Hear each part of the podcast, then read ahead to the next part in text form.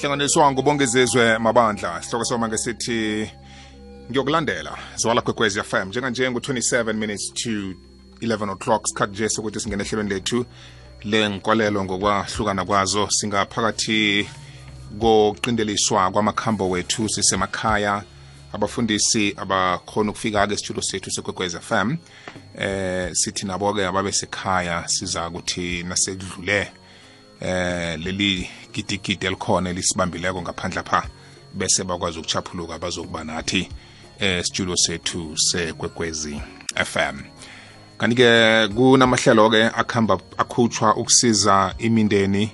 Ngibone nehlelo labakwasasa lapha bakhuthaza khona ukuthi abantu abasebenzise i-email namkha ukudosa umtato ukuthi bakwazi ukuthola isizo lokusekelwa ngokudla eh begodwa nokuqinisekiswa bona imali zabo eh ziza kutholakala.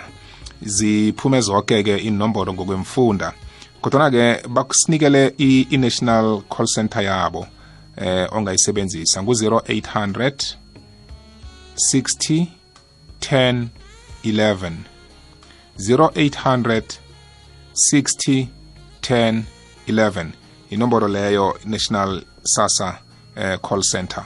Eh ungakhona ukusizakala ngempakana zokudla eh ngokuhlukahlukana abakhona ukufinyelela nabo noqinisekisa ukuthi nawusehlelweni labo lokuthola eh imali yakwahulumende ngikhuluma ngama-social grants eh ukwazi ukuthi usizeke.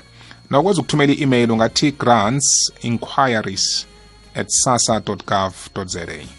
Kune-whatsapp number ya esiyisebenzisako ye-covid-19 ne-emergency number ye-covid-19 i-whatsapp number ithi 0600 123 456 0600 123 456 lapho-ke uzokuthola ilwazi. Nafuna ukudosa umtato ungadosela ku-0800 029 999 0800 029 999 ukwazi ukuthi usizakale ngazo zonke indingo ozihlokako eh ngokuthindeka ngali ngokwanephumileko engaphandle ngapha ngalesi sikhathi.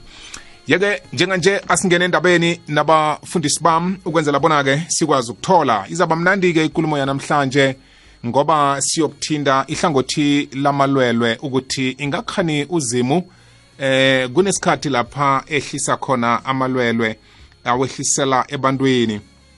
Nakhona kuba yini enza njalo?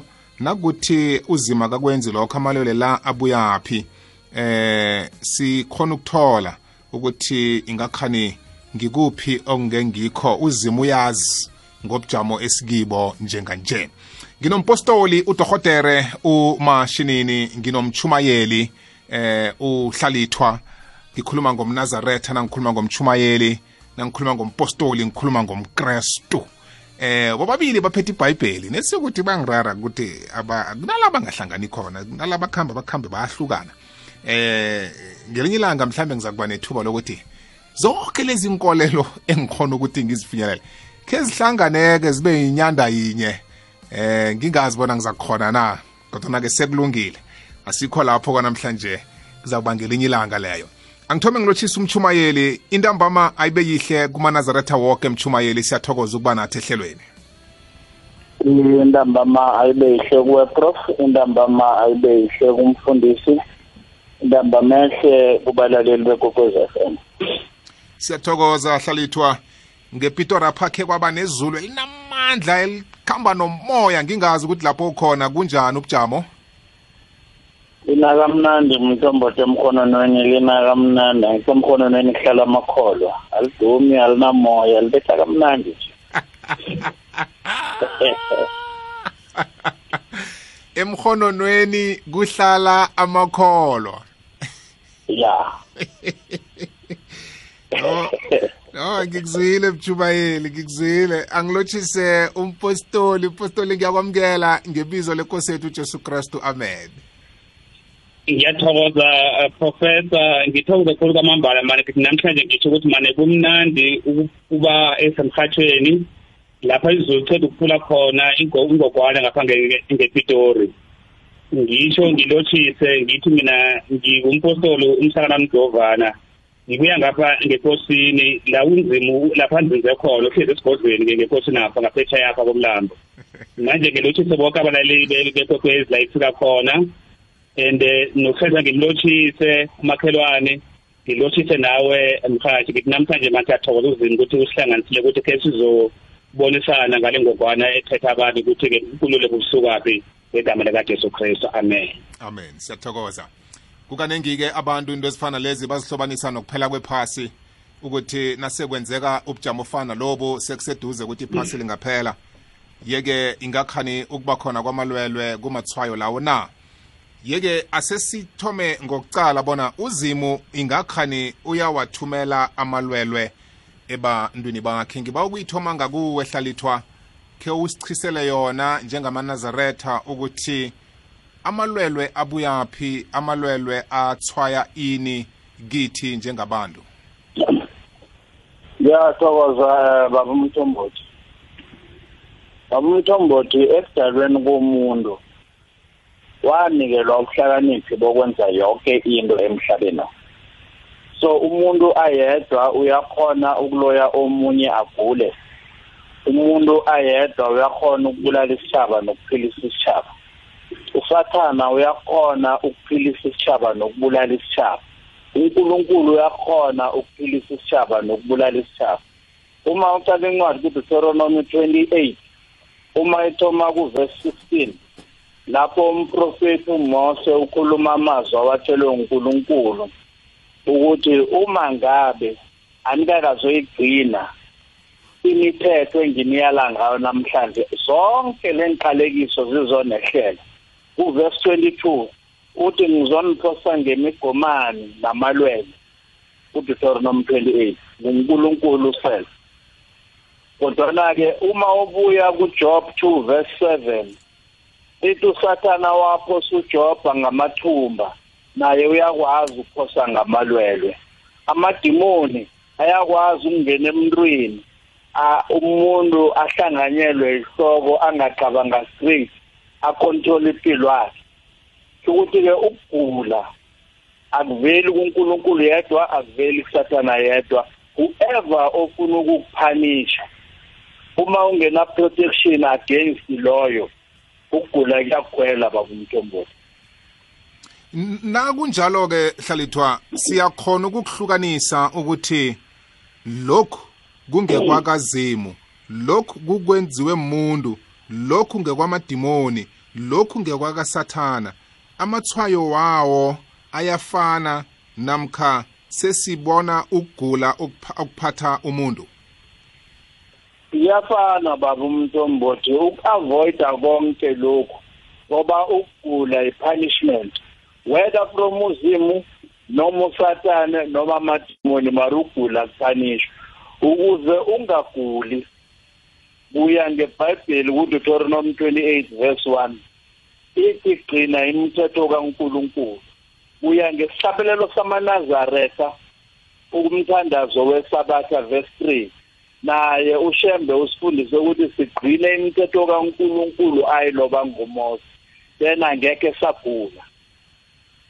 Iyazwakala hlalithwa kunabanye ke ababona lobu bujamo ngoba kubulwelwe obusikinye iphasi lonke sikhuluma njenganje obuhlanganiswa nezambulo nemporofito zokuthi sisesikhathini sokuphela. Ingani manazaretha niyayivuma leyo namkha nibona kungamanye wamalwelwe afana namanye akhabakhona ebantwini bakazimu aza kudlula asiphenisi baba umthombothi ngecorona ngoba into yenza umhlaba uphenike ngiba ukuyibeka nje straight baba necholera yabamba abantu abanzima kuphela yena abahlagayo baba necongo fever yabamba abantu abanzima kuphela emhlabeni nabahlagayo baba ne-swine flu yabamba abantu abanzima emhlabeni abahlagayo baba ne-HIV and AIDS yabamba abantu abanzima. Baba ne-Ebola yabamba abantu abanzima. Ngelinye ilanga kwathiwa batsho kunabopinki enkolweni azange kuvalwe inkolo ngoba abopinki-pinki basekuma-government school la kufunda khona abantwana babantu abanzima abahlagako sabathumela abantwana enkolweni kunabopinki-pinki njalo. Nje lobu bulwelwe bukhakhaziswa ngathi bungcono kunebunye ubulwelwe. Bubambe nengikhulu bubambe namakhuwa bubambe namashayina bubambe umhlobo wonke. Umhlolo kibo ngoba kuyathoma ukuba nobulwelwe obubamba isishaba uma ungaqala endaweni zabantu abanzima baba umthombothi especially la kuxagwa khona akunasitrata angifuni ukuthi isigodi akunasitrata la zange kuphume isidumbu se-HIV and AIDS. Manje lobu bulwelwe bufana nobulwelwe bonke bukhona buzokuduma bulala abanye abanye basale udlule abuswayi ukuthi kuphela umhlaba ngoba lithi iBhayibheli ngomhla wokuphela izokuvela njengesela awufunda isambulo 3 verse 3 nabaseThesalonika bokuthoma 5 verse 2 and 3 nesambulo 16 verse 15 lithi umhla wokuphela uzokuvela njengesela uzokukhukuthela awuzukuvela umemezelo. Yeke ngalindlela hlalithwa le uyibona njengamalwelwe abuya kubanike? Ngoba uveze ukuthi pheze imikhakha yonke yemiphefumulo. Kungaba umuntu kungaba nguzimu kungaba madimoni kungaba ngusathana bayakhona ukuthi baletha amalwelwe. Lobu kufana nalobu-ke sibuthwaya njengokuthi uzimu uyazi ngabo namkhakazi litho ngabo. Uyazi baba umthombothi uyazi khulu ngoba angasuthi silahle siphumile elawulweni likaNkuluNkulu emhlabeni. Dala kukunje baba umthombothi si-favor abo science ngehla kukaNkuluNkulu instant kuthiwa abantu bangaya emasondweni mara abososayensi baye ema-ofisini bahlole ukuthi ingalashwa njani. Nje umbuso ophethe umhlaba umnyazile uNkulunkulu khulu. And amandla kaNkulunkulu wanyazile kuhle kuhle uNkulunkulu akabona. Mawungaqala kwaIsrayeli uNkulunkulu bekababetha ngezifo abantu babuye baguqe bathandaze barabhele uNkulunkulu abatholele buqhubeke. Mara nje kunokuthi sililele ukuthi asithandazeni. Into esililela kulo silila ukuthi mara amathaveni lavalweleni utshwala obumbe kwemhlabeni nazi into ebuhlungu khulu e-south africa ukuthi abantu abasweli utshwala. Kunokuthi abantu yafana nje akhe sibuyeleni kunkulunkulu. Mayangazuthi ilaka likankulunkulu sizolenza libe wese ngoba ngathi asikakamnaki simkhohlile ingakhani lokho akubi lithwayo namkha umhlahlandlela ozasilemukisa bona uzimu uyakhuluma ke nje uzimu uyabuza ukuthi sikuphi uzimu uyasiphumbutha uzimu uyasifuna. Ukusithi ukuthi asithole nokuthi siye kuye kufanele kube nobuhlungu obuthileko esibuzwako? Yes. Uma ungakhumbula baba umntombothi bakwankulunkulu bakwa-israyeli njalo mabahlukana nozimu uma ufunda ibhayibheli old testament from le kuMose kuphuke nayo uyabaphanisha ngandlela thile ubanikele ezitheni ubabetha ezifo ukuze bakhumbule ukuthi kunonkulunkulu. Mm manje nathi isikhathi sokuthi sikhumbule ukuthi thina sisizwe sikaNkulunkulu unonkulunkulu. Kodwana iba mraro hlalithwa nawungayicala bengisacoca nenye indoda yekholwa eh ukuthi kuba yini ubulwele lobu buqubuka lapha kubonakala kwanga ukusetshenziswa kweBhayibheli? Akusi yinto esemehlweni abo namkha esetshisakalweni abo akusikukuthi uzimu ufuna lesasitshaba naso simazi na? Eh bese thina esithi siyamazi nathi siyathindeka. Simnamathisela njani ukuthi uzimu uthi ufuna sibuyele kuye ikhisibe sikuye simakholwa? Kodwana la ethome khona omunye angathi mhlambe kulapho uzime begada afuna ukuzibonakalisa khona. Asikho kuye baba umthombothi ngobuningi kuye sikuye ngendebe zomlomo ingasinangezela sifundisa into ephambeneko nokufunwa ngunkulunkulu.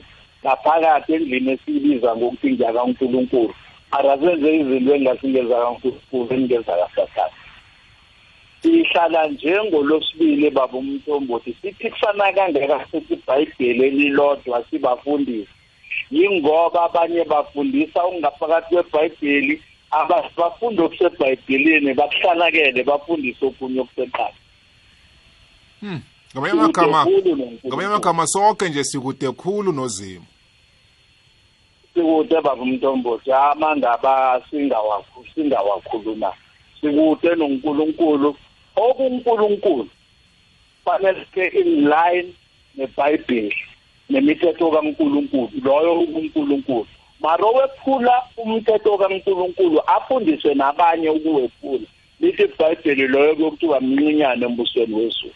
kafeaturesana ukhuluma ngayiphi imithetho yonke imithetho kaNkuluNkulu asithome ngelishumi edumileko ngabi nabanye abonkulunkulu ngazenzela imithombo uzikhonze gcina isabatha ngabulali ungebi kaphingi ungahleli yonke leyo mthetho eyaziwa namntwana omncane. Ibhifi iyitheni nje kuphela. Before sizofunda eminye elama leyo iyokwenza 686 iphelele imithetho yalethwa ngumuzi emhlabeni. Eyiphenileko ibhalelwa ngiyo. Ngikuzwile mchumayeli ngiba ukukubamba lapho. Mlaleli ngikhambisana nabafundisi bami sisehlelweni sicale indaba yamalwelwe ukuthi ingakhani abuyaphi uhlalithwa uhlathululile ukuthi imikhakha yonke yokuphila sibabantu eh siyakhona ukuthi singaletha amalwelwe. Uzibekile imbonelo ngiyakholwa ukuthi umzwile. Angiye kumpostoli ngizwe bona ingakhani yena njengomkrestu uyihlathulula bunjani. Mpostoli angikuvumele mhlambe ube nesakho isingeniso sokuyichisa ikuluma namhlanje bese ngilandele ngemuva ngemibuzo engizayibamba sele uhlalithwa ayiqhahululile eminye yayo. Ngithokoza khulu professor godu. Ngilothise godi abalaleli bekwekwezi. Ngitho manje ngiyangithanda khulu kwamambala and namhlanje-ke uzima ufuna ukuthi sikhulume ngalendlela sikhuluma ngakho. Ngaphambi koba ngithome-ke uyabona um mkhathi kunamabizo amathathu ngiba ukuthi khe ngiwachaze ngiwathadula khona kuzokuthi ma ngiyaphambili ikhona ukuzwakala kangcono ibizo lokuthoma uyazi uma sikhuluma ngobulwelwe ngesikhuwa kuthiwa is a disease. Kusho ukuthi umuntu loyo usuke kusho ukuthi angakhoni ukwenza into ezithize ngoba into ethize engasabeleke emzimbeni wakhe.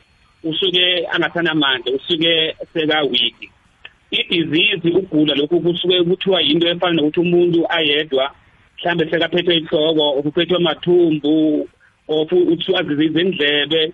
Ngikho nje lapha nawuqala uJohn 5 verse 7 to verse number 9 ithi bekhona lapha indoda behlezi ngasechilini lebethesa lapha bethi mayihlezi khona ukuthi amanzi nakazamazama ibhalelwa ukungena ngaphakathi ngoba umzimba bongavumi ukuthakathaka amagama amalunga womzimba abangakhoni ukubereka kuhle. Ngikho bekahlezi phezu kombhede lapho ujesu kristu athi ihlaka lakho usukuma ukhanga amagama lo muntu loyo bekaphethwe ukugula kuthiwa is a sickness ngesikhuwa. Bese khona into esibiza ukuthi-ke is a plug. I-plug ngesindebele bathi mathrenyeko okusho ukuthi eh lokho ukugula lokhu esingathi kuyabhebhetheka masinya kuba khona eh ukungene kuma insects ngamagama namaphesi into njengenkhwahwa nemiyane imiyane. Ya nendethe. Ngenrethe yabona into njengale amagama lokho kuthiwa ngesikhuwa amaplug mara ngesindebele bathi amathrenyeko manje nawucacisa kuhle ku amathrenyeko la ngilawa athi lapha umosi unkulunkulu lakamthime egibhithe athi abantwana baka-israyeli ukuze baphume khona kwenzeka amathrenyeko ayi-ten kuthiwa amaplasi kwaba nenkwahwana kwaba inkwahwa zingena ngapha embhedeni ulawuleleko zingene nekudeni ngamagama lokho kusho ukuthi ngesikhuwa batho kuya-irritate ngamagama kubagula okungena manje-ke lama-plug la kuba yinto engenenye futhi ebese iyakusabula ngasokho isikhathi siyakhona uyibona ukuthi iyenzeka ngoba namanzi besiwabona ukuthi atshintshe aba mamanzi abaligazi ukuthi ukuthi i-covid-19 i-covid-19 le angeke kube yiplaga ngoba le kufanele ukuthi kubonakale ngamehlo abantu abayibona Yeah. mara into enase ebayenzeka eh lapha eGibhite bekhona izizwe ezimbili bekhona abantwana baka-Israyeli kukhona nabantwana baseGibhite lama plug la nakade enzeka kade angenzeki ebantwanini baka-Israyeli kade enzeka ke laba kuphela laba eh, eh, eh, be- be- be- beGibhite ukusho ukuthi nangabe icorona eh, bekuyikhathi ngabe yenzeka esizweni esinye kuphela. Manje wabona ukuthi le yenzeka ebantwini bonke ebakhona noma ukuthi umuntu onjani ukhuluma ini ayinandaba ingenako futhi ukuthi ke asicategorize ukuthi i-plaque noma imathwenyela yesithathu ngile esibiza ukuthi ngesikhuwa kuthiwa i-pestel linens. Lokho ukuthi ukuthi ngesindebele ngingathi ukuthi ubulwele obubhubhisako. Ngama amagama ngesikhuwa kusho ukuthi yenza i-distracting ukuthi nakufika khona vele ukuthi ukuthi iyabhubhisa akunamuntu lapho osalako yabona manje-ke i-pestilline le isikhathi esiningi kufanele ihlangane nesabula ikemba bese ihlangana nendlala bese kuba ngiyo. Ngikho lapha nje nokucacisa kuhle kuHezekiya 7 verse number 15 lapho yatsho ithi isabula ingaphandle ngaphakathi kunezifo nendlala.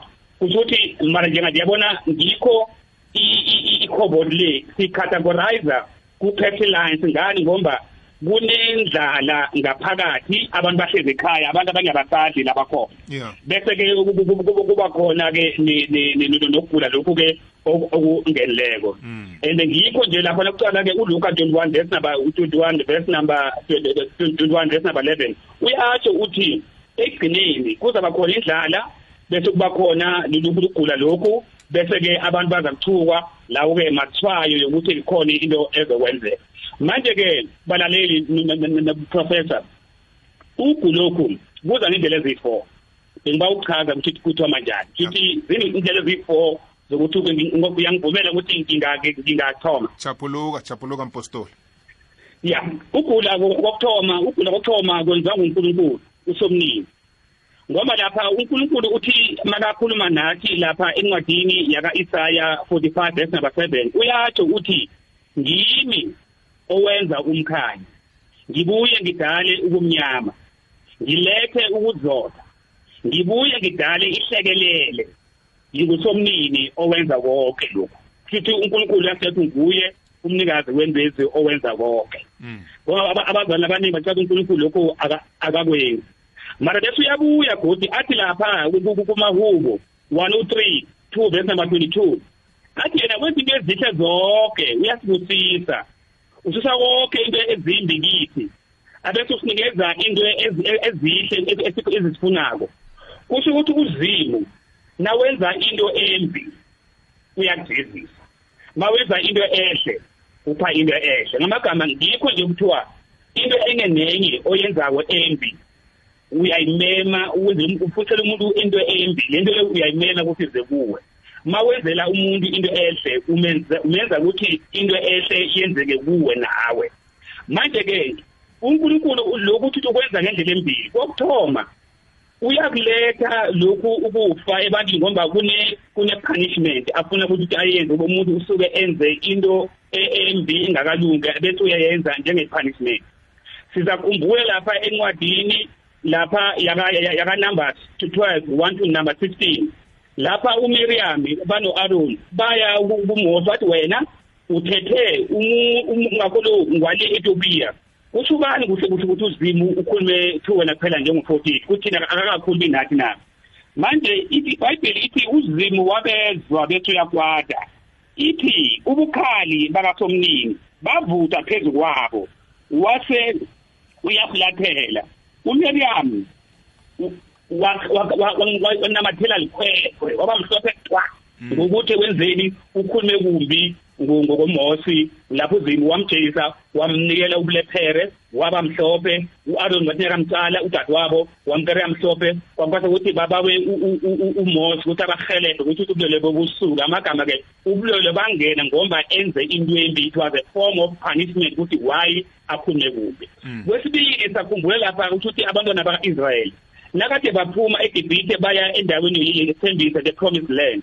Into yenzeka endleleni bacomplain against uNkulunkulu noMose bathi wena Mose noNkulunkulu nisikhiphe eGibhithe la behlala khona kamnandi. Manje nisibeka lapha endaweni sizokufa sibulawe indlala ngabe kungcono sibile emva? Uzimu azange ayithande leli benjengala into ayenza wabafaka ngenyoka zabaluma kuthiwa ngesikhuwa is a fear of serpent they beat them bonke ababafa mara bese ke abaseleko bathi zimu siyabona ukuthi sonile ngemva kwalokhu uzimu wabacolela uphilo bathinga phambili. Ukuthi ukuthi uzimu ufuna ukuthi mangabe khona into embenzakalako kufanele sibawe ukucolelwa sithethelelwe abese asuse ulaka lakhe phezu kwethu bese ke then ke uyaphambili kwesibili uzimu wayintwela enza uthi uzimu ufuna ukuthi abonise amandla wakhe ukuthi uyabereka. Yithi yena nguye uzimo khona ophethe kona amandla. Sizakhumbula lapha kuLuka 9 verse number 14 iBhayibheli ithi bekhona indoda iyathi mayizala yazala ingaboni. Abafundi bakaJesu babuza bathi rabi ngabe ngubani onileko bazali bakhe noma ngilendoda? iBhayibheli wathi urabi waphendula wathi akekho kulaba onileko bengifuna ukuthi amandlami abonakale ebantwini. Ngamagama uzimu uyazibona kanti ukuthi yena ukuzimu lo onamandla. Ngikho nje indoda le maqeda ukuphola uzimu ubona ukuthi uzimu uyakhona ukwenza imkarisi emraro. Hayi lento esibona namhlanje abantu bafika amandla bakazimu kungasiwo amandla bakazimu ngikho nalapha nje nokuqalisa kuhle izenzo ama-x 3 verse number 1 ibhayibheli ithi bekhona indoda yathi mayizala yazalwa futhi ilemi ithotha ingakhambi. Mara aba umndeni wabo wakhe bomthatha nawe ekeregeni umthatha umbeke ngaphandle esangweni. Bese abantu abadlulako bamnikele imadlana abayimali ngamagama bona kunokuthi umuntu ogulako le bamthathe bamngese ngaphandle ekeregeni akhona ukereya ihelebho bebambeke ngaphandle ukuthi abenzele imali. Manje ke ibhayibheli ithi upeter upeter eh wathi nakafika kuye wathi bathi bababawa wabese wambamba ngephanda wathi ke igama laka Jesu Kristu imali anginayo sibe legodwa anginayo mara ke phakhona igama laka Jesu Kristu sike mawukhamba wakhamba. Ukusho ukuthi mkhathi abantu abaningi ngivuma nomnazaretha abantu abaningi asisondi asisondi kweqiniso ngoba abantu aba bona babangena ngaphansi esondweni mara umuntu ofuna ihelebho bebangambe ngesondweni bebambeya ngaphandle. Mara yesu umuntu ugulako ngilo ungakhona ukuhamba mara bona bayangena abaguli mara uphathekileko bamshiya ngaphandle. Ukusho ukuthi uzimu lapha abonisa ukuthi yabona-ke into yenenzako le i-wrong nangumuntu ngimpolisile bambona sangena angena angathile kanje angasesithosa kuhamba kuhle. Wesibili mkhathi ugule kunye kulethwa ngisathane mara-ke ngiba ucacisa ngibaba abalaleli bangizuphe namhlanje le ngizoba uthekithe ngihlahla ukuthi ngizinze ngesindebele uyabona usathane lo uthola ipermission kuNkulunkulu ukuthi alethe ugulu sathana yedwa angeke akhona ukwenza amagama kufanele athole imvumo kumsomnini ukuthi into le angayenza. Sizakhumbula lapha kuJoba 1 verse number number 12 lapha usathani atsho khona usathani atsho khona uNkulunkulu ukuthi uJoba lo ungabe uyamthemba na? Athi uyamthemba. Maluzimu wathi ngikunikela konke ukuthi ungakwenza konke mara ungathathi umphefumulo wakhe. Ngamagama konke lokhu wakwenza ngani? Ngokuthi athole imvumo kusomnini ukuthi akwenze. So kusho ukuthi mkhathi ngichaze kuhle. Yabona ifana nani? Usebenza amaphosa ngupresident South Africa yonke and ngesikhathi sombuso lo wakade bekhona i-department ekuthiwa department of correctional services. Bebereka ukuthi umuntu nakade unile mhlawumbe ali asiboshwa lesi sizombusazwe ofuna ukuthi abulawa hagwe bebamhaga. Uyabona mara seze kumbuso kumbuso wena. Mara at the same time lo mbuso loyo ngapha bona department yabo health uphilisa abantu ube namaphoyisa ugidimisa abantu egcineni ngamagama uzimu uthi lapha nakhuluma nathi ku First Corinthians verse number 5 uthi I deliver such to Satan for the destruction of flesh so that spirit may be saved in the day. Ngamagama uthi lo ngiyamnikezela kusathani ukuthi inyama yakhe iflesh ibese ngiyayibulala yenze ukuthi uthi ke isikhathi ke sokugcina akhona ukuthi asindise ngamagama abantu abaningi namhlanje ukube usathane lo kade abaningi abathuthumeza abafaka emgodini abaningi abalimaza ngaba bezwe ukuze emasontweni so umbereko wakhe uyawudlala ukuthi abathuthumeza. So that's why ngithi abazalwane bangalokhu nabathandaza bathi sathane sathane right bayakuphakamisa sathane akanawo amandla. So into ofanele yenzeke yinye ukuthi wena kufanele sakhe ubudlelwano obuhle nozivi ngoba yonke into ayenza usathane kufanele athole ipermit ukuze umcange before angayenza emntwini. Sengizoyivala ke lezo esithathu yile ethi zizizono zaba ama-ancestors. Sesithathu kusho ukuthi angikusho ngisemadlozi ngithi abantu abalala kahle yabona? Utsho utsho utsho abo abokhokho bethu? Abakhokho bethu so kwesinye isikhathi sibethelwa izono zabokhokho bethu. Iya oh ungaragela phambili bengifuna ukuyizwa lapho. Itsho njalo. Lapha kuyabona uma uqala ku-second samuel 12 verse number 9 to 12 ibhayibheli ithi udavide kade ayinkosi udavide makayinkosi kwathi lapha ikhambile yokulwa um kule ndoda kuthiwa batho u-uriya u-alihithi u-uriya lo eh kade anomo umuhle umama omuhle iqhakaza nelihle. Manje-ke wathi-ke uDavid lona nawo kuhlamba lezulu waqala phakathi wabona uma lo ageza ngabona gama wabona into engabonwako ihliziyo yabhaluka phakathi yabona? Into eyenzeka ke bese uyamba ukuthi ke eze ngapha ke yamvakatshela wamvakatshela mara uDavid into ayenza ngoba umama lo bekasambonile. Wathi makhe epini wathi ke mkhathini ke lo nimkhambeze phambili epini babalwa nama-amoni. Kwafike ipi yamsusa wabulawa wathatha umama loya wamenza unkosikazi wakhe. Maruzino wathi-ke azange akuthande lokho ngoba into le beyaba yimbi khulu kuye. Wathi-ke ngoba nakuwenzile kokumbi yabona? Namhlanje abasho ukuthi emzini wakho kuzohlale kube nenkemba.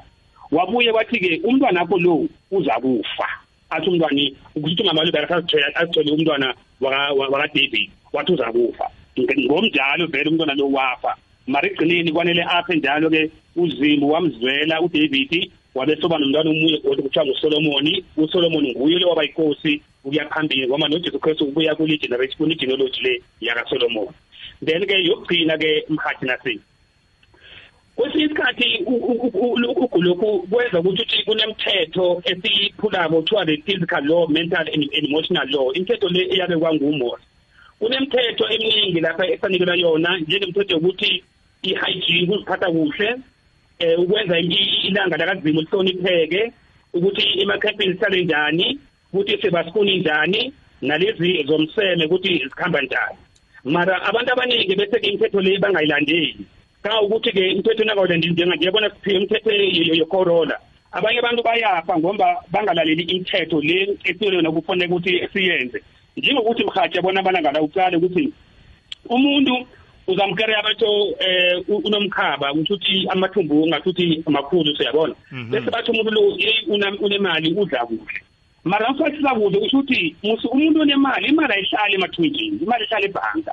Kuba yini ukuthi imali kanti ibonakala emathunjini? Ngoba nangabe imali ihlala emathunjini uphethe uphethe semtsipe ba umtsipe njengoba ibillionaire ukuthi amathumbu la ngaba kukuba phakathi siyabona nobaba walalako ulokhanji ubamaponya naye muzaba kukuba phakathi amagama nje amathumbu kuba makhulu.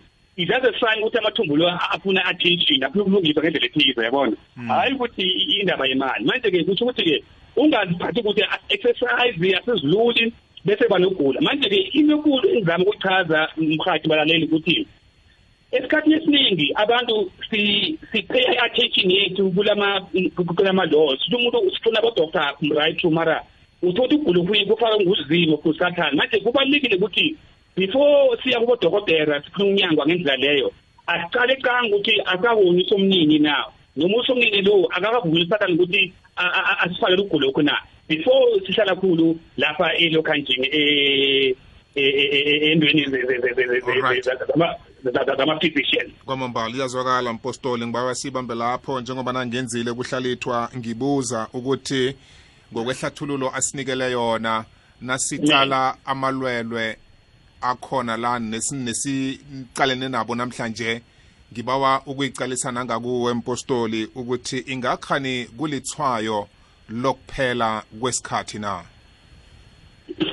Eh mkhathi kunamathwayo aphashali ngithe ngithi amathwayo wonke lakhona akakhambelani nebhayibheli njengoba ingalo wonke ngoba amagama kukhona athize akhona akhulumisana namathwayo mara akakapheleli. Ngani ngoba yabona awuchasisa kuhle lapha encwadini eh yaka yaka yaka Luka 21 verse number 10 ithi amathwayo la azaba khona lapha ekugcineni kusho ukuthi kuzaba khona i-earthquake kusho ukuthi ukuzamazama komhlaba. Bese kuba khona indlala indlala le ezakuhamba nokugula. Mara kade nje i-earthquake akakuyibona eh indlala le nakakuyibona kuhle mara sekunogula kuphela. Ngingathi ukuthi kukhona okunye amathwayo mara hayi awukho konke in totality. Yabona ukuthi khona amathwayo athize amanye akekho kodwana azenzeki ngasikhathi sinye ndawo yinye.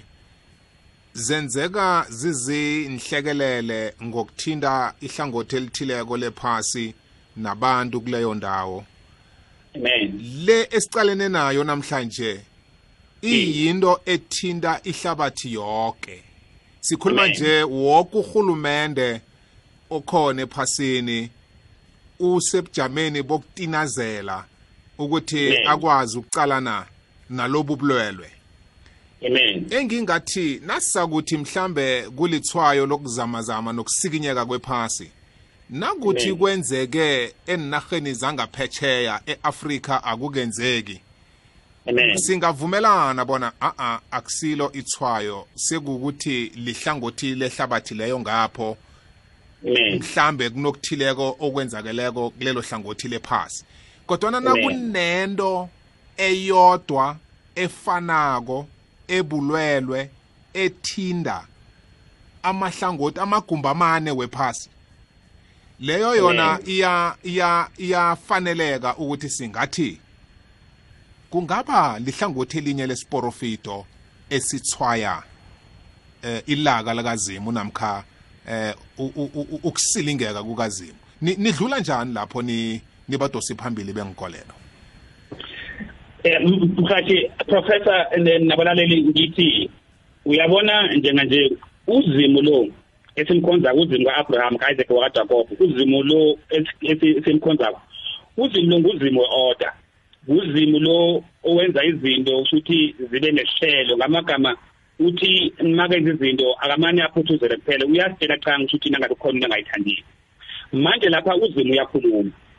Ukhuluma nalokho umuntu okhona emhlabeni ukuthi niyabona into engizenzako lezi sengidiniwe ziningi into engizenzako ez- ezingasirehe upha abantu i-chance ukuthi sikhona ukuziphenda sikhona ukutshintsha.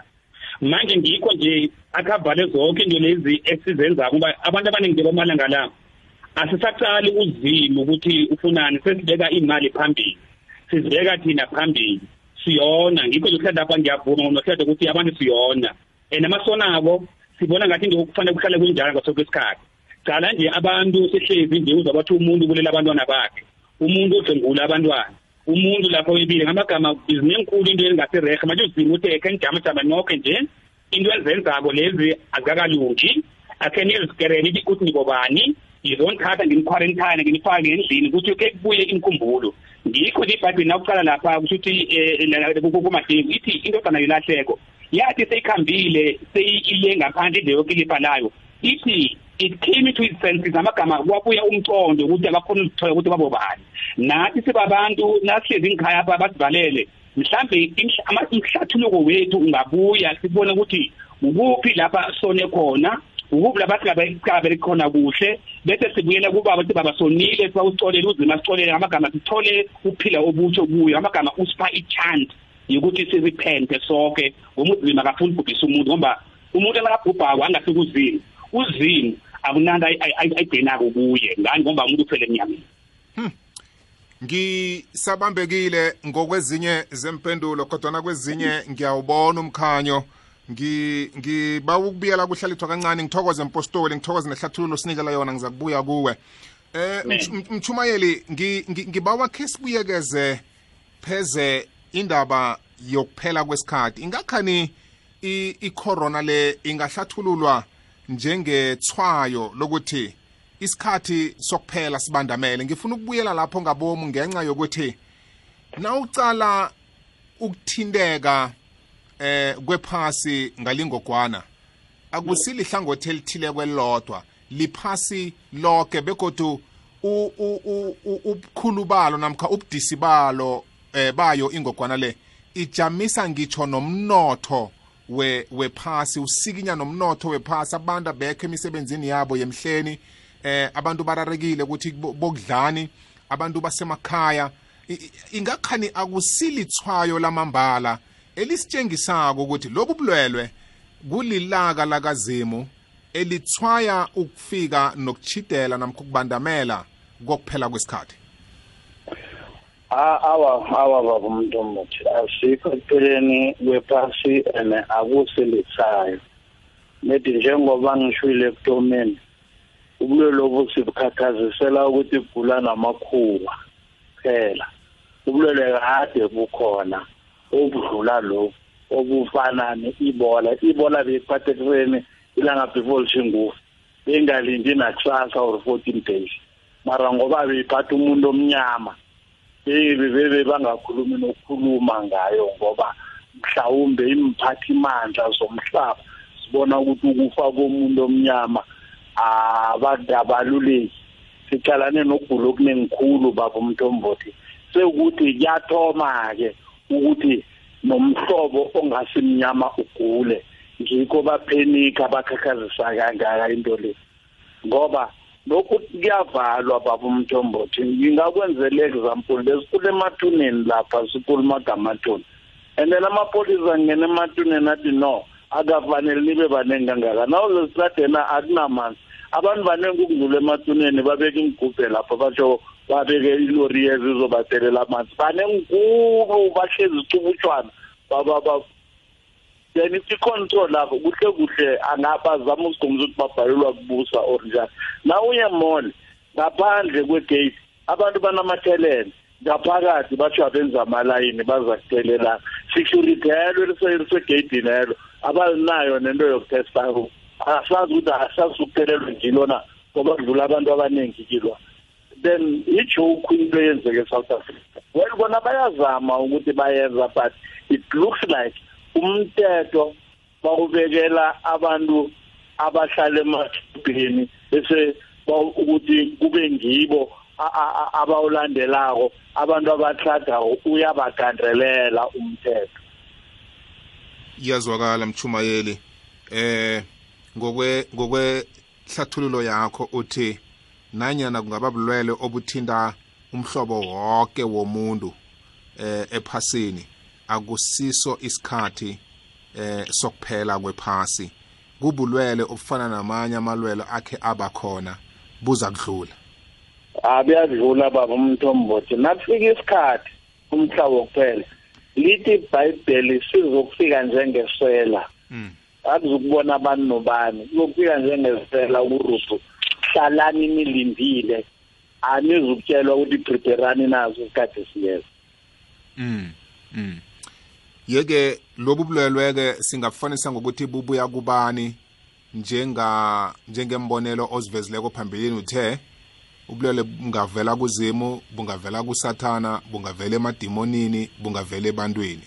Yeke lobo bunje bubuyaphi ngiyathanda baba umthombothi ukuthi nangikhuluma into ngiyijamele mm. maye nangizokukhomba ukuthi buvelaphi ngizobe ngikhuluma amanga ngoba ngifuna ukwenza ihlelo libe mnandi hmm. angibazi ngoba kungaba i-biological attack hmm. njengoba abanye bama-social media bangaphesheya bathi it's a biological attack to certain country bakhohlwa ukuthi bazoyi-attacka kanti nabo bazokuvakatsha into libanga then you will never know ukuthi buvelaphi hmm. nedi siyagula and siguliswa yini? I-disobedience ngoba ngathana silandela imithetho kaNkuluNkulu hmm. yaba ngukho ukugula emhlabeni. Akhe sibuyele endabeni yokulandela umthetho siyibeke njengemibandela ebekelwa abantu eh nje sikhuluma kuqindeliswe amakhambo. Akusiwo amanye akusiyo eminye yembandela sibabantu ekufanele mhlambe sihloniphe ukwenzela ukuthi silapheke namkha siphephe? Bamntomboti sizoyihlonipha provided ifair to abantu bonke. Uyabona njenganje kunabantu babomntombothi abaphila ngoplastera no abaye emberegweni. Kunabantu ababerega emafemini wensimbi nani nani abaye emberegweni. Abantu abo bahola nge-fortnight ampure bank abasenamali badla imali leyo. Upresident uyohola yena ephuleni kwenyanga. Upresident uthatha ifoni ufonela bespa baletha igrosara kwakhe and then wena fanele ube ne-permit ukuthi ufuna igrosara fanele ube ne-permit ukuthi uyadwa abasihlukumezi na? Hmm. Eh ukhe wathinda nephuzu lokuthi kuvalwe nokulotsha uzimu. Lokho kukodwa kuvimba amandla ukuthi uzimu akwazi ukuphendula nokusilwela. Eh ingakhani ngikuzwe kuhle? Ngizwe kuhle. Athathe ukuthi bathi oba ukuthi abantu bangayisonela koma ungayi kubaholi bamasonto uthi ke ni ke sithesteni uNkulunkulu wenu lo? Ke nimtshele ukuthi nani lingene eSouth Africa bawa ukuthi livinjwe. Phela baba umthombo thina nasikhulako. Bekuba nesomiso. Kuphume igama from kwi-government of kwandebele. Kuthi abantu bangayi esikolweni abantu bangayi emberegweni akuyokuthandazela izulu belina mhlokho unkulunkulu bekakhona kanti uyephi loyo unkulunkulu esasimkhonza enza izinto ngaleso sikhathi. Hmm. so ngayo amagama usesekhona uzimu loyo? Ukhona simflathele. Ngoba ngiyathemba ukuthi nani engake kuthiwe akhe kuthandazweni bantu. Kube nesimemezelo esifana nalesi esasikhona before nangani izulu kumemezelwa abantu bonke baguqe bathandaze barabhela uNkulunkulu. Igciwane lizokufa leli lingasaba khona endaweni. Angibuyele kumpostoli. Impostoli ngiba ukuyibamba lapho ohlala ethi wakhuluma khona. Uthi kubonakala kwanga uzima unyazekile eh ngokungathembeki nokungamthembi thina abantu ukuthi angakhona ukuphendula kilobu bujamo esizithola sikibo. Nimakrestu nithini ngoba nani? Eh iphela veke esibuya kiyo leya. Kuyiphela veke ekulu necakathekileko. Eh ngekosi uJesu Kristu eh ngikhuluma ngamalanga amathathu amenza ukuthi abe yinkosi eh amalanga lawo anika khona ukuthi ni niwagidinge njengemhleni eh ingamhlambe akusi ngilikulumo evezwa nguhlalithwa ukuthi uzimo ngathi simbekele eqadi ukuthi aphendule lapha kwanga akazi bona kwenzakalani mkhathi professor i think le ngiyala ngiyalandula kusho ukuthi yazi nawuqalisa ukucala iBhayibheli uGenesis wena uzima uthi nakadala izulu nomhlaba kwadala ubumnyama. Then masekudala ubumnyama wathi akube khona ukukhanya ukukhanya kwavela ebunyameni kusho ukuthi and enye nenye into enzima la kunzima khona kukhona into ehle efihlekileko. Ngichaza ukuthi nakuthethiswa kuhle uyabona? Nawuqala ama-easter i-easter yethu masuke iza abantu abaningi baphelele endleleni. Abantu abaningi abafiki nokuya emasondweni ababuye emasondweni ngani ngoba kusho ukuthi-ke uthola ukuthi kubhubhe abantu aba-eight hundred nge-easter services ngendlela ingozi ezenzeka endleleni. Mara unyaka lo kuqala ukuthi bangakho abantu ababhubhileyo abantu-ke nje abantu abaleleko baleliswe i-corona bayi-twenty-five. Compared to abantu ekade bayi-eight hundred kade baza kusela endleleni. Uzima udinge ukuthi abantu bami basele endleleni? Nabaye emasondweni ababuyele emakhaya unyaka lo khe khe bathi wo and abantu babasindile labe njenganje ngiyatsho ukuthi kube bengakenzeki. Laba abantu abaningi abanye baphelele endleleni laba bakafika abayakhona so leyo i-trend yabonakala for all the years ukuthi kuhambe kanjani. So uzimu into engathi rehe esiyenzako nasi uyabona mhathi ngiba uyichaza kuhle namhlanje. Kuthi uthi uyabona kukhona abantu umuntu athi ekhaya abereka athi eh ugogo amgubhile ubhubhe ngomvulo ngicwatsha ngicwatsha ngomgcibelo athi yibawa ilifa bampe ilifa from monday until friday mara nabantu nakasuka emberegweni akayi la kogogo la ubhubhile kuloyo uya emabangeni akhe uyabona so manje-ke kusho ukuthi nathi sithatha i-holiday ekadisemba ukuzola kwajesu kristu sonke sibazalwane kufanele ngelangelo sokuselebrate ilanga lokuzalwa kwenkosi yethu ukuthi usilethele ukukhanya mara siye esondweni ngo-twenty-five zikadisemba mara siberekisa igama lakho ukuthi iholiday ngiyakazivini ukuthi uyazalwa. Mara la kufanele siye khona emasondweni ngodisemba siba la masonto semnyanyeni. Angithi umnyanyi wrong siyayindlela ezizenzayo semabhishi siyakuphi sibuye ukuthi njengama-easter nakufuna kuthiwe ama-easter services sibhizi asilapho egcineni amagama uzimo nakudingeki ukuthi senze izinto ngegama lakhe mara yena angenzelwa le nto le egcineni amagama uzimo ukhuluma nathi ukuthi simakristo sonke emhlaba wonke kukhona into esingayenzi kuhle manje yikho nje kuze sithome phasi sibone ukuthi ikuphi lapho sakhabe khona kuhle silungise ukuthi ikhathi zabo bese siyalunga bari uzingela njenganje awa ukubhubha khona kusikho kwanjenganje uze ukuthi uyasasilungisa usihlalisa kuhle sigobene khulu mm mm laleli siku ya ya manje ke uyabona ke eh uhlaliswa kwathi kwathatha iphuzu linye ukuthi eh eh ngubani owenza into le i mean ngeke kathi ngubani mara okusala ugcineni ngisho ukuthi le lento le ibalance le ngento zemhlabeni akusiya kazimu le into yento zemhlabeni. Futhi ubuya from the system of this world yabona yeah. So system of this world amagama naye uzimu uyivumele ngoba naye kukhona sekabonile ukuthi abantu mude-ke ke bavula amehlo babone ukuthi into ezingaphandle akho ukuthi zikhamba njani. Ngoba abantu nethi khona lapho mpostoli nakuthi misebenzi nezinto zephaseli ngubani obusako ephasini leli?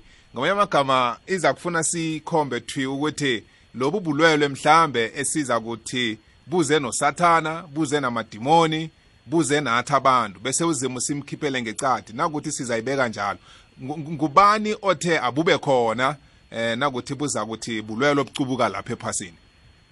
Mkhathi angeke ngathi ngubani ngoba yabona nje bakhe ngachaza ngathi eh ubulwele bonke lobu obulethwa ngusathane ukuthi ngusathane imoya emimbi eh namadimoni konke lokho ukuthi ngigrupa ethi yonke into eyenzeka emhlabeni lapha ezingakukhontrola nguzini lezo zingaphathi kwe-umbrella yinye yabona? Mara kuthi lapha exactly kushuthi ngubani-ke ngeke ngathi ngilo specifically mara kusho ukuthi njengoba khe ngachaza ngathi into enye nenye bayenzakalako uzimu nangabe uyayivumela ukuthi yenzeke usuke ayivumela knowing ukuthi eh kunento naye abantu akadinge ngaye afuna ukuthi ilunge ngoba isuke ingakhambi kuhle yabona? Mkhathi uzakhumbula futhi nalapha iBhayibheli ithi uSawuli lokha kade azingela amakholwa bekazingela amakholwa ababulala ngapha nangapha then uzimu wagcina angasimnandi emoyeni wambetha ngokombani wamvala namehlo. Ngamagama i-distraction leyo eyenzakala kuSawuli unyana azakera ithuguluko la wabese-ke u-ananiyas umvula amehlo lapho wavukela futhi wavulekela kuzimu walisa wona. Ngamagama nathi ukuze sisuke kule nto ezibi esenzako kufanele kwenzeke something eza ukuthi sijame sikale ukuchubeka phambili sibhebhetha ngokona bese sikhona ukuthola indlela engcene yokuphila. Yazwakala mpostoli. Ngicale incwadi yakamatewu. Eh 24 angayifunda yide khulu niyayazi bafundisi bami. Eh ngicale nencwadi yaka Marcos 13 nencwadi enithindileko yaka Lucas 21 kodwa ke kile yaka Matthew 24 uJesu ngokwakhe kunezinto azibalako eziza kuba mathwayo eh wokuphela kwesikhathi nokuhlathulula ukuthi kuzokwenzakalani khuyini okuzabe kubonakala njenge njengesikhathi sokuthi abantu balemuke. Kuza kufika nalapha abantu abanye bamemezela khona ukuthi nangu uJesu ubuyile izani nizombona ungapha. Eh lokho kusengakabonakali kusengakazwakali. Uveza nabaprofeti bamala abaningi eh abanye babo sifundile sibonile ngabo. Maningi amathwayo akhulunywa ngilivesi okuningi kwakhona sikubonile. Sekufaka hlangana eh nobulwele lobu esikibo ngalesi sikhathi buyavela kilivesi nanyana bunganembeki ithwi ukuthi kuza kuba ngibo kodwana ke buya kunala kuvela khona ukuthi siza kuvaleleka ngemakhaya. Lapha besijayele ukuthi siza kuthola ukudla khona ukudla kusekho lapho. Indlala iza kufika. Ukhona ukubona ukuthi kunamathwayo atshengisako ukuthi eh sikhathi bani. Kunala godu indinyana enye ithi ofundako kula kufanele avula amehlo khona ukubona ukuthi sikuphi. Mhlambe kilihlathululo le yalivesi le nanyena singekhe siyifunde ngoba besingayifunda yo kodwana ke yide iphelela ku51 eh amavesi akhona kuMateyu 24 kodwana mpostoli niyayazi incwadi le. Nasi nasicocako icorona le iphuma njani ukuthi ingangeni ngaphakathi kwalihlathululo kwayena Jesu Kristu bekade ehlathulula ukuthi iza kuba ngamanye wamathwayo wokuhlathulula ukuthi isikhathi bani? Ya mkhathi kusho ukuthi amathwayo maningi ziningi into ezenzakalako kokamalanga and siyazibona ezinye siyazazi ezinye sizibonile ukuthi ezenzekile. Mara okusala kwegcineni ukuthi isikhathi madakafiki asekafiki ngoba yena uthe yabona ukucacise ukuthi uthi makatshela uthi akekho namunye owazi ilanga ne-iri yabona? And then abantu bebaloku badla basela bachadana mara ukuthi kuza kanjalo noma kuza um uzimo okusho ukuthi uzimo lapha usinikela amathwayo ukuthi mude sihlale sizilungiselele yena ngukuzimo lo othi ngaso kwesikhathi uyaniwuma anibonise ukuthi yabona into le ngithi ezokwenzeka abantu bakhona ukuthi baphutha ngoba uzimo bangenza njalo. Abantu sizokuhlala bese siyarelaxa ngoba akunanto eyenzakalako ephilweni bethu. Ukuze umuntu ahlale kushuthi akuzima ngaso kwesikhathi udinga into ezinendlela kushuthi imthuthumeza kancane aninde abona something ukuthi iyenzeka mara konke lamasayini akusingi la akhona in totality wona akhona amanye abonisa ukuthi ke uzimo lapho uyakhuluma ukhuluma nathi. Uthi akakajabulanga ngendlela thina siphethe ngathi izinto. So ngamagama ukuthi sirepente sitshintshe sitshintshele embusweni wakhe akhona ukuthi sibe bantwana bakhe yena abe ngibaba wethu. Kanje kanje ngivuma nohlalisa ukuthi njenganje abantu emasondweni sisa eh imzimba mara imoya yethu ayikho ngaphakathi emakerekeni. Why ngisho njalo? Nawucacisa kuhle mkhathi ukuthi amalanga la siphethena namafoni emakhaya nangihlezi ekhaya ngibhizi lapha ngikhuluma nomunye umuntu angikhulumi nomuntu engihlezi lapha ekugcineni angikhulumi nozini ngikhuluma nabantu engingabaziki ibhayibheli ithi angeke uthande umuntu uNkulunkulu osezulwini umfowenu olapha eduze kwakho ungamthandi. Ngamagama abantu sesithanda kakhulu into zemhlabeni asathandi noluzini sesibuye khulu into zephasini manje uzini naye uyakwata uzama usibonisa ukuthi akhe nikwele kimi ngikhona ukuthi nami ngibe ngibaba wenu. Then kuzini nanjalo ke zonke nje uzaziphelisa. Lapha uthi makakhuluma nathi umkhathi nakakhuluma nathi encwadini yakajeremiya 33 verse number 6 uthi I will bring health and healing and I'll give them I'll reveal them the abundance of peace and truth. Ngamagama kushuthi i-healing uzoyiletha uzokuletha kushuthi ke avulele kushuthi izibuzo eziningi alethe ukuthula lethe neqiniso. So emva kwele corona abantu muthi kube sebalazi iqiniso ngoba nabahlezi emakhaya nje ingqondo ziyabuya. Nomuntu kade avukela la avukela khona eh anabangani abatsha kwanzani manje ingqondo iyabuya. Makuphela icorona le sabe seyoba sirehe sikhamba ngokuzima mangabe siyathandaza ekedahi uzimo labathibeka uphosisi yakufuna kuhlale khona egama lakaJesu Kristu. Kunephuzu ngiyathokoza mpostoli elithindwe ngumchumayeli aveza indaba yokuthi sibabantu ngalesi sikhathi into esilila ngayo khulu. Zizinto zephasini ubumnandi bephasini abanye balilela ukuthi ngathana amahamulo ayavulwa. Abanye bethu sithukelwe imisebenzi yethu sithukelwe ukuthi imali zethu siyozithola nini njani.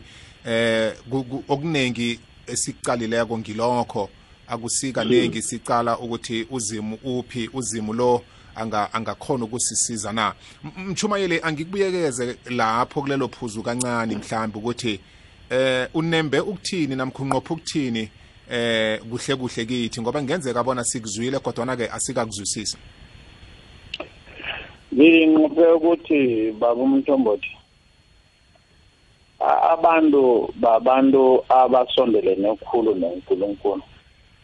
Dala noma iBhayibheli ingekho nawubuza abantu bakade bazokutshela ukuthi nanginesomiso okufa inkomo abantu bebaphuma bonke baya entabeni bayokwenza umhoha umhoha libe kukuthandazela izulu bafike bavume ingoma leyo bavumele umlenze munye izulu line okay na early 80s nanginesomiso bekuthiwa ningagezi ningabasumlilo akupheni nomunye nomunye aye lapha athandazela khona izulu. Sikhathi sezazela line uNkulunkulu wayekhombisa ukuthi ukhona nabaholi baloko khombisa ukuthi banefaith kuNkulunkulu abaholi banje abanafaith kuNkulunkulu baqale esikhuweni nawo i-physical science kulu kune-religion. Baberegisa i-physical science ngehla kukaNkulunkulu ngoba uNkulunkulu vele simkhohliwe akukhulunywa ngayo. Ngaphezu kwakho konke lokho ujanyiswe ukuthi abantu bangaye emasondweni bamuntu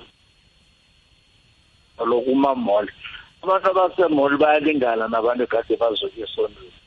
Baningi ngendlela esitrawo amamall wonke agcwele phu phu phu phu phu phu phu emagate noma kuthiwa kungenwa kancane kancane mara amalayini made kuzabe kuvalwa intolo kunamalayini uma ngabantu ecorona engabantu icorona izibabamba mabaye emasondweni ngabe amagama uthi ngathanda imjeje leyo babantu abajamele ukuyokungena ekonzweni bathandaze.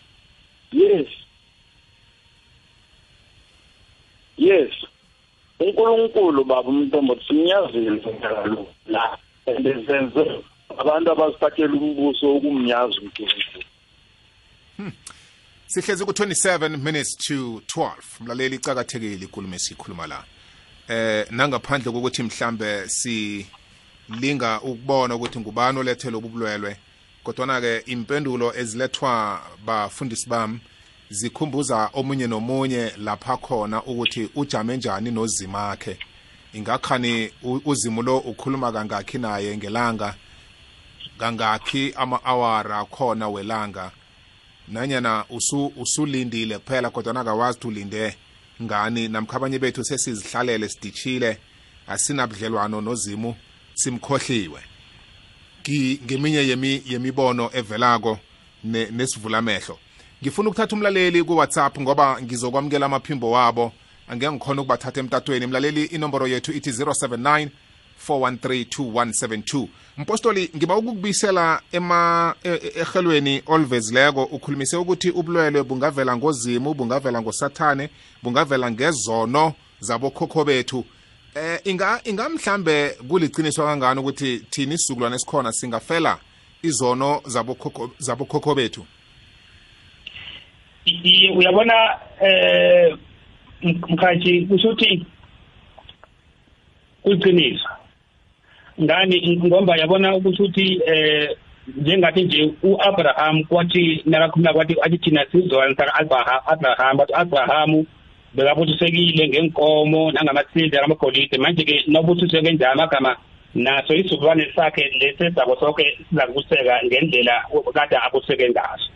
Mara kukhona izizwe njengo ulokhanje ku-esewu esewu eh ngoba azange wathengisa ngobukhulu bakhe i-birthright yakhe futhi wabese futhi ke uluza le ama-blessings akathanda. Ngikho na njenganje lama amoni achaga kangaka ngani ngoba enziwa ukuthi eh kwaba sizo lesi zange zakhona ukusiseka ngoba wasiphuma isibusiso lesi ebesicondene naye sabe sesiyasuka sikhamba noJacob kusho ukuthi ezinye izinto yabona njenganje uzini lapha utshele uDavid wathi uDavid ngakho ngoba wena unile isizukulwane sakho sonke sizofa ngekemba ngikho nabantwana bakhe abo Absalomu bakera ukuthi seba agwa emthini ngamasabula abantwana bakhe bebebala babethana bababodwa lamagama bekusiprofit lesi esakhutshwako nguzimo ngesono esenza kwabakhe ukuthi uDavid ukuthi alale nomali lo kwabasebenzi sakhe kwaba njani.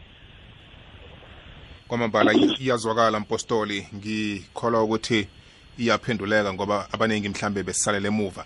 Asizwe umlaleli ekhaya ukuthi yena uthini. Eh mlaleli nawe ungaletha lakho ehlangothi phezulu kwekhulumo esiyiphetheko. Eh bobo David nabafundisi umshumayeli nompostoli. Akwande. Amen. Eh nginibingelele. Isihloko sakho bobo David simnandi eh sizosikhanyisela kulesikhathi esikuso njengamanje. Sekumnyameni asazi ukuthi kwenzakaleni izifo ezihlungu njengalezi ibuyaphi bobo David ukhuluma nobongani la ngise KZN kwamanje ngivalelwe yizi zifo lezi ngavaleleka ngapha KZN yeah. Khuluma nawe ngihleli ngibukela i-TV engadlali nginilalele qinisekile ngeke ngisalala uma ungizwa ukuthi ukuthi unomshumayeli hayi angeke ubuthongo busangibamba ngifuna ayiphake ngiyilalela ayiphake kahle ngidle ngesuthe ngizwe ukuthi izifo lezi zibuyaphi. Ngiyathokoza mthombothi eh last mthombothi ngeke ngacela ukuthi ucelela uku-uploada le inhlelo zakho mthombothi since since angakayitholi. Sabe ngiyangena kwi-podcast angiyitholi. Ngitshela nje ukuthi 52 episode lama episode ila madala wodwa. Axube nalawo ngolesithathu bengifuna nje la kakhulu kakhulu izinkolo ehlukahlukeneyo okay. Please mthombothi ngiyayicela mani ma kukhonakala. Thank you. Siyathokoza KZN siza udlulisa umlayezo eh uweb admin wethu uzasenzela isiqiniseko sokuthi ayatholakala lamahlelo ngendlela owafuna ngakhona. Bobo uthami okhulumayo. Wala itsakane siyakwamukela Thami eGauteng. Yes. Ya bhutibobo kona ngiyavumelana nesihloko sakho. Kushuthi uzimu ngokubona kwami usuka sikhumbuza ukuthi uyinkosi nomsindisi. Ngokuthi alethe ubulwele obufana nalobu esikubo kokumanje. Cause siyahamba sihambe simkhohlwe senze into zethu ngendlela yethu. So ingakho ngibona ukuthi usuka sikhumbuza ngalezi zinto lezi zifana nalezi. Ukuthi singamlahli uyohlala ngunaphakade yena. Igama lakhe kumele lingcwaliswe. Ngiyabonga bhutbobo thokozile Thami. Thami uthi uzimu kubonakala kuye othi asikhumbuze bona ungumnikazi wakho konke sikhamba simkhohlwa eh njeke uthi akha asijamise kancane. Eh sikwazi ukubuyela kuye. Sizwe omunye olandelako. Hayi bobo ngiyalotshisa ngilotshise nabafundisi bethu. Siyakwamukela. Bobo ngiyabezwa abafundisi. Yeah and angiphikisi nex angivumi nex ngilalele. Mm bobo nami ngine-info or ngithi ngithi kunolwazi engilitholileko like yabona siku-lockdown nje like yeah sigcina sesi- seshisisa nezinto besingacabanga ukuthi singazithola. Mm bobo into le ikhama in both side ne? Mhm. Nasingabheka ithi ngingene elizweni nasingabheka incwadi kajeremiya 7 verse 32 of which like angeke ngiyifunde ngizozama ukuyisamarize ne? Yeah. ngifunde incwadi kajeremiya yakhuluma ngendlela kwenzeka ngako nawo ne? And then ngashona kugoogle. And then nangithi ngiyagugula bobo ngithi ngibheka okay ngabheka ku-italy. I-italy seduze neromeo i mean ne, ne, nerome. And then indawo ezibhalwe e-atopti e-atopment nabo-atopi zonke indawo lezi engizitshiloko mm, bobo yeah. bekuzindawo la kwakuhamba khona ujesu emandulo. Mm. sho ukuthi konke lokhu bobo okwenzeka like right now isiprofeto esa kufakazela isiprofeto esenzeka like ngo-600 bce so nasibheka like e-italy bobo what i'm trying to say ukuthi like nasibheka e-italy abantu bafile bobo. Akusanandawo zokuthi bangcwatshwe. And then bese sibheke incwadi kajeremiya ukuthi thini ne? Mm. incwadi kajeremiya iyachaza ukuthi abantu bazo abantu bafa badliwa yinyoni zezulu. Bese kungasanandawo lokuthi bangcwatshelwe khona. Bo. And then futhi nasishona ezweni ezwini izwi lasho lithi u- like uyakuthulisa imi, im, imizi yakwajuda neyasejerusalem. Like uyoceda yonke injabulo bobo injabulo iphelile like now. Akusakhoni ukwenza next simile. Lokhu kulotshwe kuphi ezwini kwaphinde nasibheka nencwadi ka-isaya bobo 26 bobo like izinto engizikhuluma la ngitraya uzisamarize cause angifuni ukuba mude kakhulu. Yes. nasibheka incwadi ka-isaya 26 verse 20 utheni uthe singene endlini sizivalele up until kuphele ini ulaka lakhe. Ofisho into yenzeni ekhulunywe yipresident yethu ukuthi sihlaleni stel up until isifo lesi size sindlule. Bobo nasebhayibheleni kuyasho ukuthi imibuso iyovukelana. Right now into enzeka manje. Imibuso iyavukelana but ivukelana ngani ngezifo? Bona nawo sibulawa yisifo kuphi? Esibuya kwelinye ilizwe. Imibuso yenzani? Already icalile iyavukelana bobo so this thing nasingebhekisisa kuhle. Yeah. Ikhona like in both side isiprofetu esa esifezekako right now esenzeka emandulo.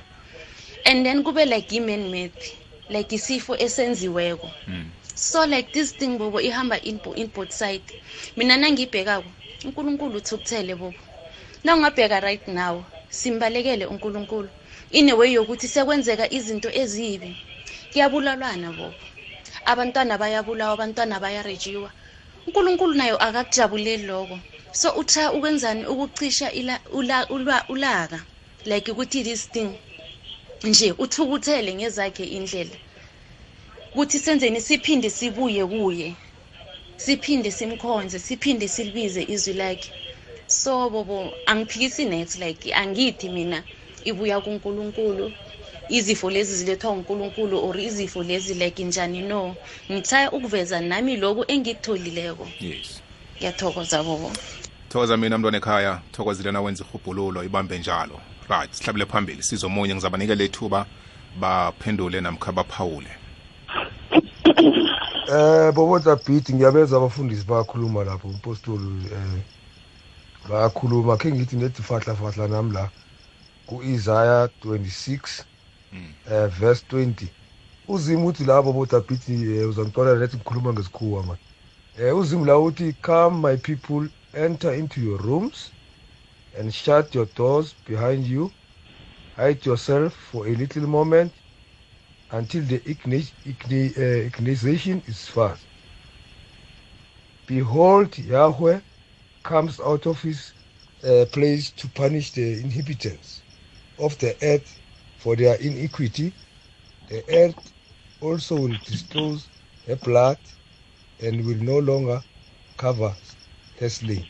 So baba daphit bengibawa nethi ungivulele lapho ngesikhethu lapho eh abafundisi ke bangigxadulele la ukuthi nethi zikhamba njani? Mina ngibona ngathi isiprofiti lesi uzimu dala anaso. Akusingilesi secorona kuphela bobodabhiti ziningi izinto musi ezi- ezenzakalako eziyimprofiti bobodabhiti ngesinye isiprofiti naso uzimu lesi asiprofite ngendlela engibona ngayo ecorona le ibulala abantu. Manje into le iqiniso vele ngoba nje sibulala nabakhuwa sekuyinto nje sekukhulunywa ngayo right through right through corona corona. Ngabe bebulala thina abantu abanzima ngaba bakhulumi ngayo bobodabhiti ngiyathokoza mani kuprince masombuka la ethembisa thokoza wadabhit right thokoze prince. Ube nobusuku obumnandi ngapho ngethembisa. Ngizobanikela ithuba baphawule mlaleli asizwe ngakuwe. Lo chabubu akwande. Uzimo ekwatile uzimo uyabona ukuthi asisamphakamisi sesiphakamisa izinto zomhlaba zikhulu Sikhothamela izinto engabe zona nje zikhothamela thina. Beka manje abantu beya-concern ukuthi ngabe kuvula iy'ntolo. Eh babodwa ba-concern ukuthi imiberego iphekile. Babodwa yazini si-concern nje ngezinto zomhlaba. Akekho umuntu o-concern ngokuthi akhe sikhulekeni ukuthi sikhoneni ukunqoba lesifo so uzimo ukwatile uzimo uyabona ukuthi sibabantu bakhe. Simhlobokile yiko nje lapha kuzikronise athuma abantu bami bezithoba befuna ubuso bami. Bekhuleka ngizakuzwa ngisezulwini ngiphilise ilizwe labo. So isikhathi manje sokuthi asizithobeni sibuyeleni kuzimo simceleni ukuthi akwenzanga ugogo kantando ulinethi ngimagagula lana emlodo thokozile gogo. Nanyana bokuhamba uzwakala kabuhlungu kodwa sikuzwile ukuthi uthi abantu ababuyele kuzimu bazithobe. Awumthombothi nyani eh sincancabeze mlaleli izwakalela phasi. Ngifuna nje uzwakalele phezulu kuhle kamnandi. Eh na ugadangisako ngokucala ukuthi uyibambe njani ifoni yakho ungayisithi ngesandla ukuthi iphimbo lakho lingazwakali? Lotsha bobo nabafundisi emhathweni sithokoze. kugogozi FM okhulumako nguhendret uchigwana endaweni yangekapa lodumo esomerset west eh bobo ngiyaweza amahlelo ayasikhuthaza. Khulukhulu lele elikhuluma ngokuthi ukugula lokhu kubuyaphi kuvela kubani? Ngifuna ukuba nithi mfitshanyana bobo. Eh nawufundako encwadini kama kumahubo 50 chapter 50 u- uthi kuverse 12 nethi lapha ithi if i were hungry nangabe bengilambile angeke ngibuze wena kungenxa yokuthi umhlaba ungowami. And then nawufunda kuverse 15 ithi ngibize ngeenkhathi zobudisi i will deliver you and you shall glorify me. Uyangizwisisa? Tsho ukuthi yonke into idalwa ngozimo ingeyakhe. So ngeenkhathi zokugcina ungibize nawusenhluphekweni ngizaba nawe and ngizibonakalise kuwe. So bobo into efunekako ama-punishment singafunda from genesis to sambulo siloku kukhuluma nge-punishment ukuthi uze maphanish ubani kuphi endaweni eso wenzani. But now si, si, into efunekako isombululo ukuthi kungenziwani uyangizwisisa. So nawufunda encwadini kamark chapter 16 wehla nayo lapha ku-17 ujesu ekuvukeni kwakajesu njengoba sibuya kuphasika ekuvukeni kwakhe emva kokuthi aphikiwe ngabafundi bakhe bekade achumayela nabo endaweni eziningi. La babone khona amandla kazimu la babone khona ukuthi uzimu ukhona but bebakhamba naye egcineni bagcina bamphika. Now uthena kabuyela kibo etafuleni wahlala wafika kibo wathi uqolo malibe nani? Azange athi kibo niyakhumbula ukuthi ningenzeni. Azange athi kibo niyakhumbula ukuthi nina nangiphika. Wathi uqolo malibe nani wakuchiya amagama athi ngiya kubaba. Mara ngizonichiya nazi nezinto nazi eh, amagama nakho engenichiya nawo ukuthi khambani nichumayele ivangeli emhlabeni wonke lo okholwa ngimi uza kuphila nibeke izandla kulabo abagulako baza kuphila abakholwa ngimi yonke ipoison enzabe niyidliswa yona niseza. Angekhe nenze next. So bobo esikhathini sanje kufuneka kujanywe abafundisi baphakame abobaba baphakame ba- bachumayele ivangeli. Ba- kuzibonakalisa kwakazimu ukuthi kukhona la athembeke khona la azangathabe khona ngezinto thina esizenzako emhlabeni. So kufuneka ukuthi ngalesi sikhathi ukuthi thina siphakame sichumayele ilizwi lakhe sibuyise laba abadukileko ngokuthi bobo kubuhlungu ukuthi nje abantu bathi okay simbonile iye yena ukhona bachinga ngesondweni. Then ukuchinga kwabo ngesondweni banani? Abananex the reason yokuthi why abafundi bakajesu la babone khona ukuthi unamandla uyaphilisa bagcina bamphika is because of bebanganawo umoya oyingcwele. Bebanganaso isibindi khumbula ukuthi emva kokuthi abachile nala mezwi lapho ibhayibheli ithi umoya oyingcwele wehla osh ithi ibhayibheli umoya we- umoya oyingcwele wehla wehlela phezu kwabo emva kwalokho bakhamba bachumayela ivangeli bakhamba bachumayela ivangeli babeka izandla kwabogulako baphila siyambona lapha abopolosi siyababona abosilas nabopaul eh, ejele nabangenako baqhaqhamuka insimbi uyazwisisa bo so into efunekako kufuneka isolution ukuthi kungenziwa njani. So mina ngendlela engiyibona ngakho kufuna ukuthi kuthandazweni abobaba kuhlomweni kuthandazweni silwe nale mimoya emimbi. Because unkulunkulu angekhe kwakhe into ayilethileko ukuphila nokuhle akalethi ukubulala. It's just i-warning lezinto lezi azenzako. So kufike la athinteka khona la ezwe khona ubuhlungu. So kumele ukuthi kuphakameni kuthonyelweni ilizwi likazimu kube nomoya oyingcwele nangaphakathi. Njengoba abantu abantu bazo ba- izinto zizokubuyela esimeni bachinga ngaphakathi enkeregeni makube nomoya oyingcwele makube nesibindi sokuthi nangabe kufika abantu bathi abakhonza uzima abathandaza uzima ngibaphi ube nesibindi sokuphakamisa izandla sokuthi iye ngimi ngingomunye wabo. Nabathi ngene empilweni uthi kamara ngingene mara yena unami. So nasi into efunekako then ukuthi zonke izinto zoba right. Thank you bobo. Kuchigwana ngikapaloto sithokoze chikwana ngiyathengisa nangibuyako nginikela abafundisi bami ithuba lokuthi baphefumule kiyo yonke imibono evelileko. Sibuyile mlaleli. Sihlabela phambili ezinye zendaba ezikhamba phambili ukuthi inarha zephasi ngokuhlukahlukana kwazo sikhuluma njenganje zingezelela amalanga woqindeliswa kwamakhambo wabantu. Inarha ye-india inarha yeghana namkha uganda eh zingezelele. Inarha yeBotswana zingezelele. Eh ezinye zazo zikhulumisa inyanga ezisithandathu ukuthi kuza kuhamba abantu basemakhaya. Lokho kuthwaya khona ukuthi lobu bulwelwe namkha lingogwana esikhuluma ngayo ithikameza kangangani ukuhlala kwabantu.